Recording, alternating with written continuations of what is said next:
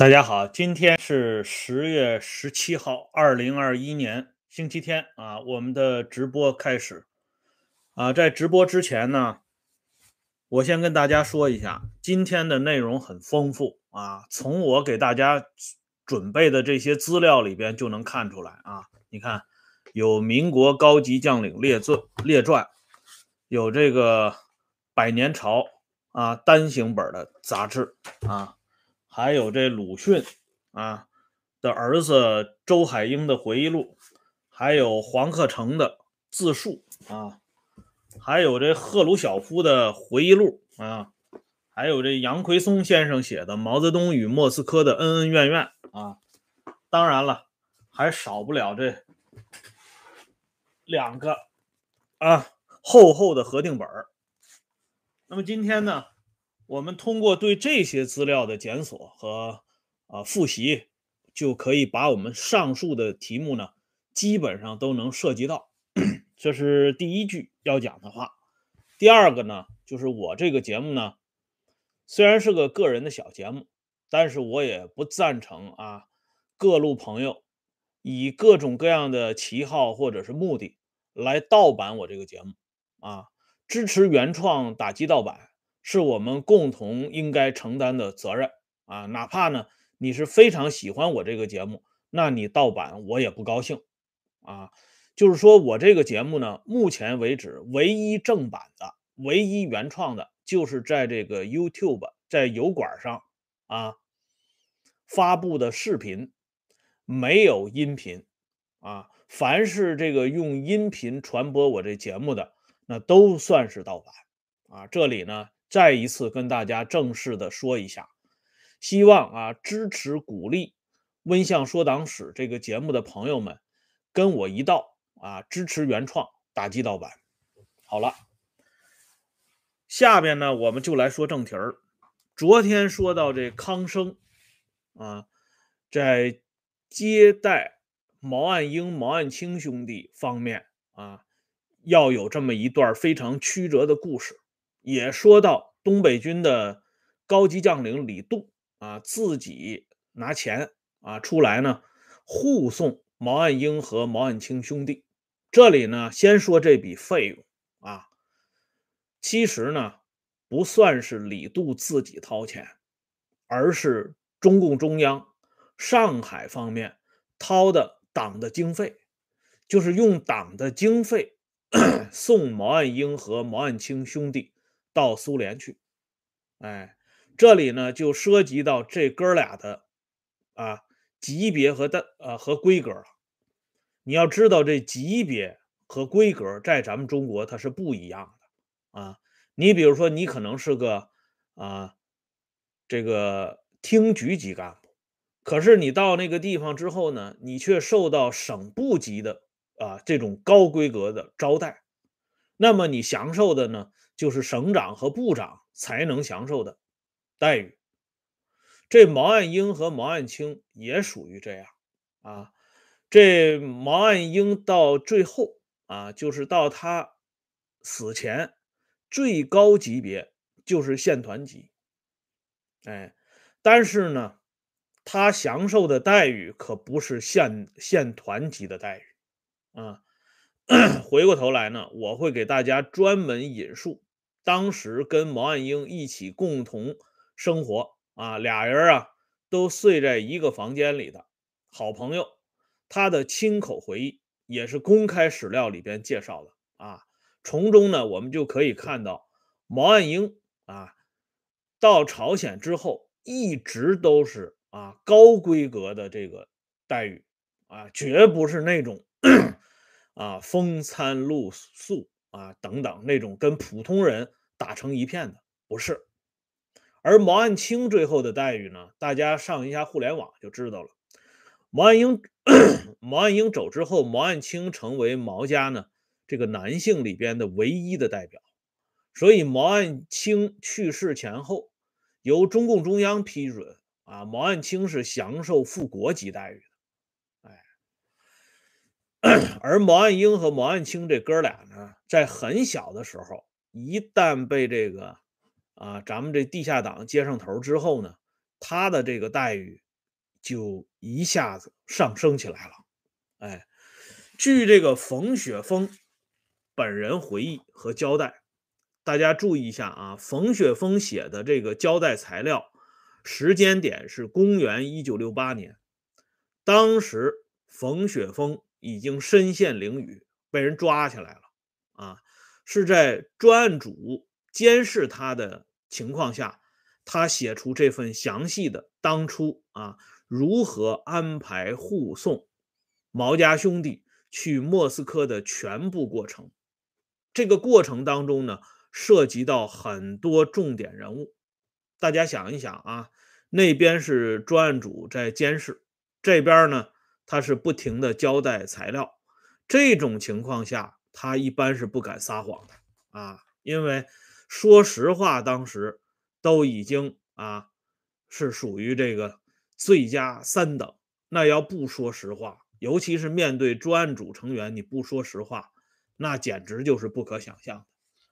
所以文革当中，冯雪峰的这个交代材料可以当成信史来看待。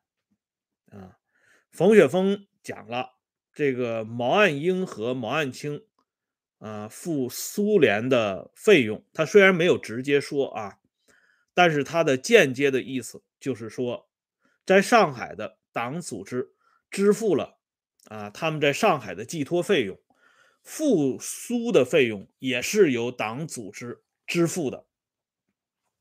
当时啊，在上海的地下党组织是非常困难的。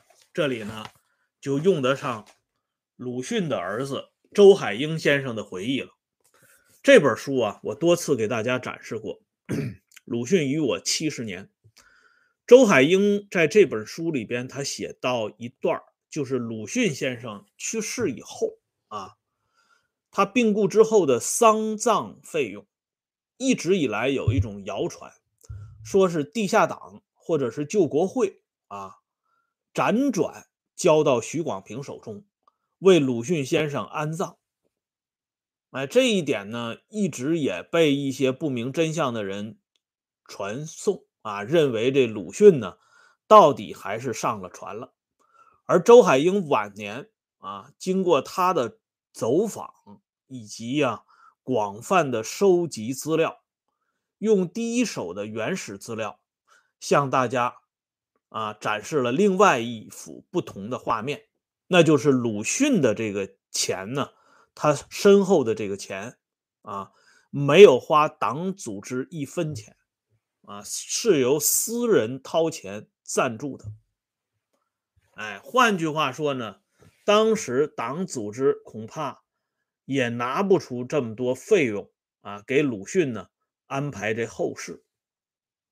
啊，那么党组织却是有钱啊，给。毛岸英和毛岸青兄弟支付去苏联的费用啊，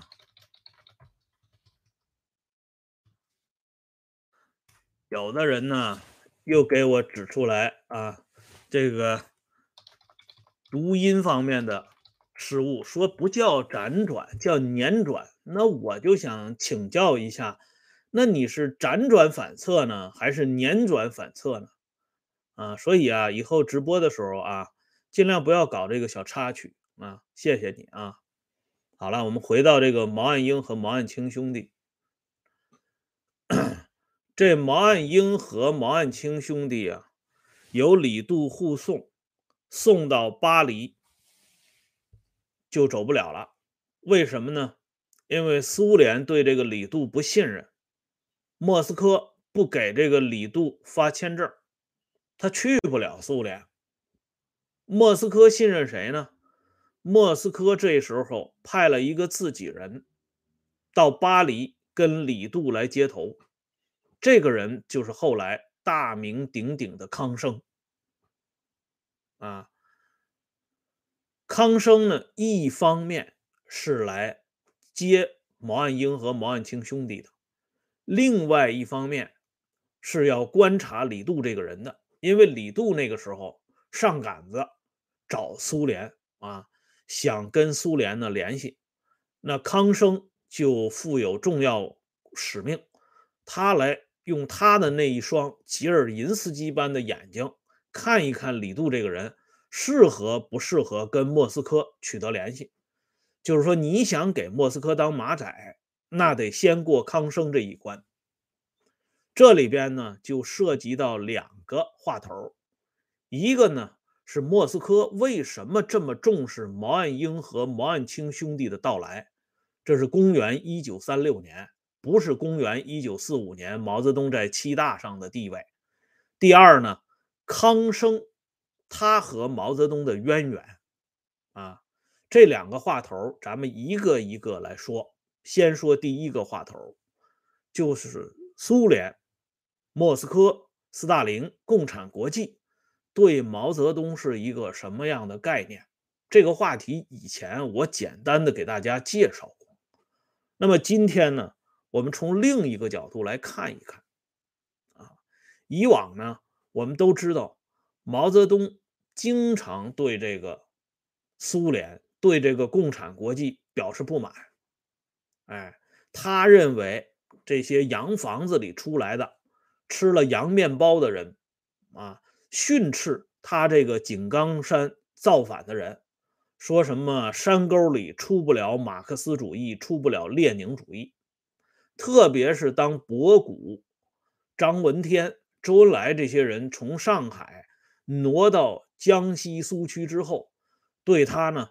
进行打击和打压，哎，而博古他们这些人不过是二十四岁左右啊，绝对的小年轻啊，他们哪来的力量能够打压这个毛泽东这么一个啊土地爷呢？啊，或者叫这个地头蛇呢？啊，他在江西苏区，毛泽东在江西苏区是什么样的威望？什么样的地盘？什么样的人脉呢？啊？那全然是因为莫斯科支持他，由此呢，又把王明给刮带进来了。说自从一九三一年召开了六届四中全会之后，啊，王明就霸占了党中央的领导权，排斥异己等等啊，可以说是无恶不作。而历史的真实呢，却并非如此的简单。也不是毛泽东自己随意可以编造啊，可以篡改的啊。历史的真实是什么呢？是莫斯科一直支持毛泽东，甚至在一九三二年十月，毛泽东在著名的宁都会议上丢了权之后啊，王明把这件事情向苏联啊，向苏共中央最高当局做过汇报。苏共中央自己不出面，而是由他的拐棍儿啊，共产国际出面，向江西表达一个重要的意愿，那就是中央局应当设法劝说、帮助毛泽东赞成进攻路线，不能把毛泽东同志排除在军事指挥之外。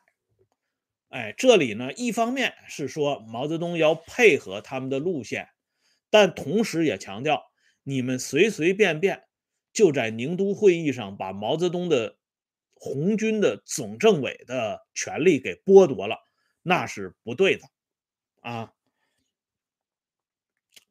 而且王明明确告诉博古他们啊，莫斯科对你们做的这种事情。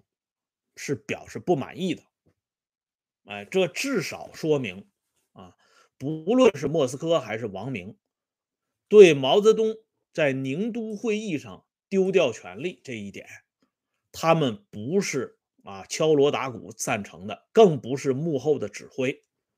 这也就是为什么后来周恩来一辈子都要为宁都会议这件事情付出极为沉重代价的原因。啊，那么后边呢？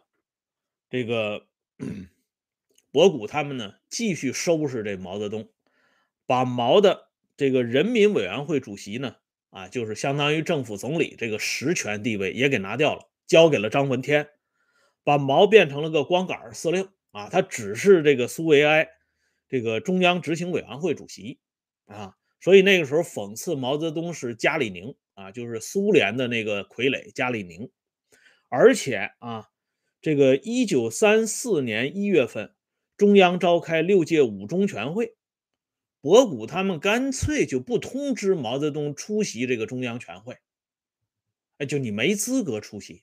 而毛泽东那个时候还是中央政治局候补委员呢，啊，人家是应该参加中央全会的，博古不让他参加。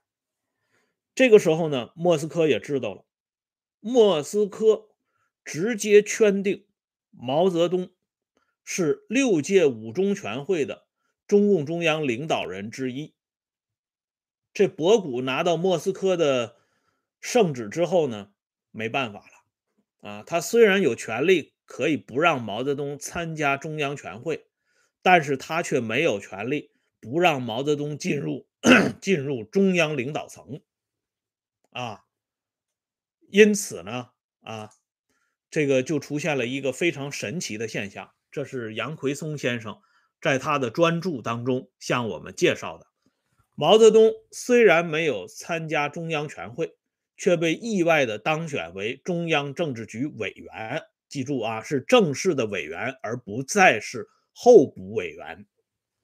哎，而且呢，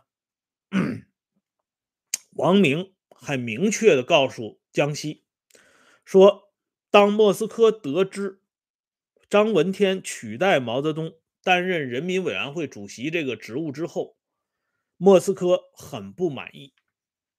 但这个时候呢，木已成舟啊，啊，所以呢，莫斯科方面也不好直接的干预。而到了一九三五年，共产国际第七次代表大会在莫斯科隆重召开的时候，这个时候呢，应该说，莫斯科当时还没有人知道毛泽东已经在一九三五年年初的遵义会议上重返中央领导岗位。但是在这次啊，共产国际第七次全国代表大会上，整个这个规格把毛泽东排在第三位，就是仅次于共产国际主席和德国共产党第一把手台尔曼，毛泽东作为第三把手出现的，这是斯大林决定的。啊，换句话说呢，莫斯科始终。对毛泽东是青睐有加，所以毛后来呢对斯诺他们讲说，他在这个江西苏区的时候被人家扔到了茅坑里，臭得很。那么又是谁把他这茅坑里的石头给捞出来、洗干净，摆到神坛上供大家崇拜呢？就是莫斯科啊。那么这样看下来，在一九三六年啊，这个。毛泽东那个时候还没有成为季米特洛夫口中中国共产党要在毛泽东同志领导下开展工作的那个领袖人物。可是莫斯科对毛泽东的这两个儿子来到啊苏联却是相当的隆重，不惜派出康生前去接应。啊，这个道理呢也就在这里。而这本《民国高级将领列传》里边引述的。李杜的啊那段这个手写的那个材料给张学良的密电也非常准确和真实啊，因为李杜说毛岸英、毛岸青兄弟系中共中央书记处书记毛泽东同志的儿子。这个中共中央书记处书记跟今天的书记处书记可是不一样，我多次给大家讲过这个职务。在当年就是中央常委的意思，所以呢，这样看下来，毛泽东啊，在这个苏联人的眼中，包括他的子女是一个什么样的地位？那么接下来呢，我们还要谈这么一件事儿，那就是毛啊，既然在莫斯科眼中是这样重要的地位。那他为什么啊，在这个江西苏区，在瑞金时代就被这博古这帮小年轻给轰下来了呢？啊，这莫斯科老大不是支持他吗？这里呢，大家看一个重要的当事人的回忆，这就是大将黄克诚说过的一件事情。黄克诚在他的自述当中是这么讲的：黄克诚在同他的一位战友啊，叫何笃才，他们之间聊天哎，就说过毛泽东在用人方面的缺陷。何笃才认为毛泽东过于信用、顺从自己的人，对持有不同意见的人不能一视同仁。像李少九这种品质很坏的人，就因为会顺从，结果得到重用，被赋予了很大的权力，干坏了事情也不被追究。像这样的组织路线，何以能服人？说这番话的何笃才，很快。就被毛泽东当成啊异己分子给干掉了，而黄克诚自己说了，他说本来毛泽东同志在中央革命根据地军民中已经有了很高的威望，然而临时中央从上海进入中央苏区之后，轻而易举地夺了毛泽东的权，其所以会如此啊。苏区的同志相信党中央固然是一个重要的原因，但是如果不是毛泽东在组织路线上失掉一部分人心，要想在中央苏区排斥毛泽东，当不会是一件容易的事情。啊，这个一辈子啊都把毛放在第一位的黄克诚，特别是他晚年重点提出来要正面评价毛泽东同志的大将军啊。他在他的晚年回忆录里边，用如此曲折的笔调，可以说是春秋笔法，让我们看到了毛泽东为什么在中央苏区变成了一块掉进茅坑里的石头了啊！不是说莫斯科不信任他，而是有相当一部分人对他不满意啊，他的这套做法人家不高兴，所以博古。是在群众的支持下把他拿下来的。毛泽东不是经常讲吗？群众才是真正的英雄，而我们往往是幼稚可笑的啊。可是这么一件事情呢，让毛念了一辈子啊，逢人就说呀啊。大家看过鲁迅那《祥林嫂》吧？祥林嫂就是看见人就说啊，我真傻，真的啊。这毛泽东呢？不管是见内宾还是见外宾啊，经常就讲，在江西我可是不行了啊，有一个人上门都算是我有群众啊，这话呢一直说到死啊。那么接下来呢，我们就来看一下康生这个人。大家都知道啊，这康生是毛泽东最喜欢的人，不光是咱国内的内宾知道，这外宾也知道。啊，我们先来看一下，对毛泽东最为友善、最具好感啊，帮助最大的共产国际主席季米特洛夫，他在一九四三年写给毛泽东的一个亲笔的私人信件里，就是这么提到康生的啊。季米特洛夫说：“我对康生 所起的作用心存疑虑啊，他的做法。”引起党员群众的无比愤怒，帮助敌人瓦解党，啊！但是呢，基米特洛夫也知道啊，这康生背后是谁，所以基米特洛夫呢，赶紧还得解释一下啊。他说：“请原谅我这种同志式的坦率，我对您啊，就只对毛泽东怀有深深的敬意，坚信您作为全党公认的领袖。”啊，这还得赶紧啊！这个给俩大大甜枣啊，堵上这毛泽东的嘴，说我跟您呢特别够意思啊，咱们哥俩那关系就不用提了啊。但是这康生这老小子确实不不怎么样啊，您老人家呀一定要琢磨琢磨。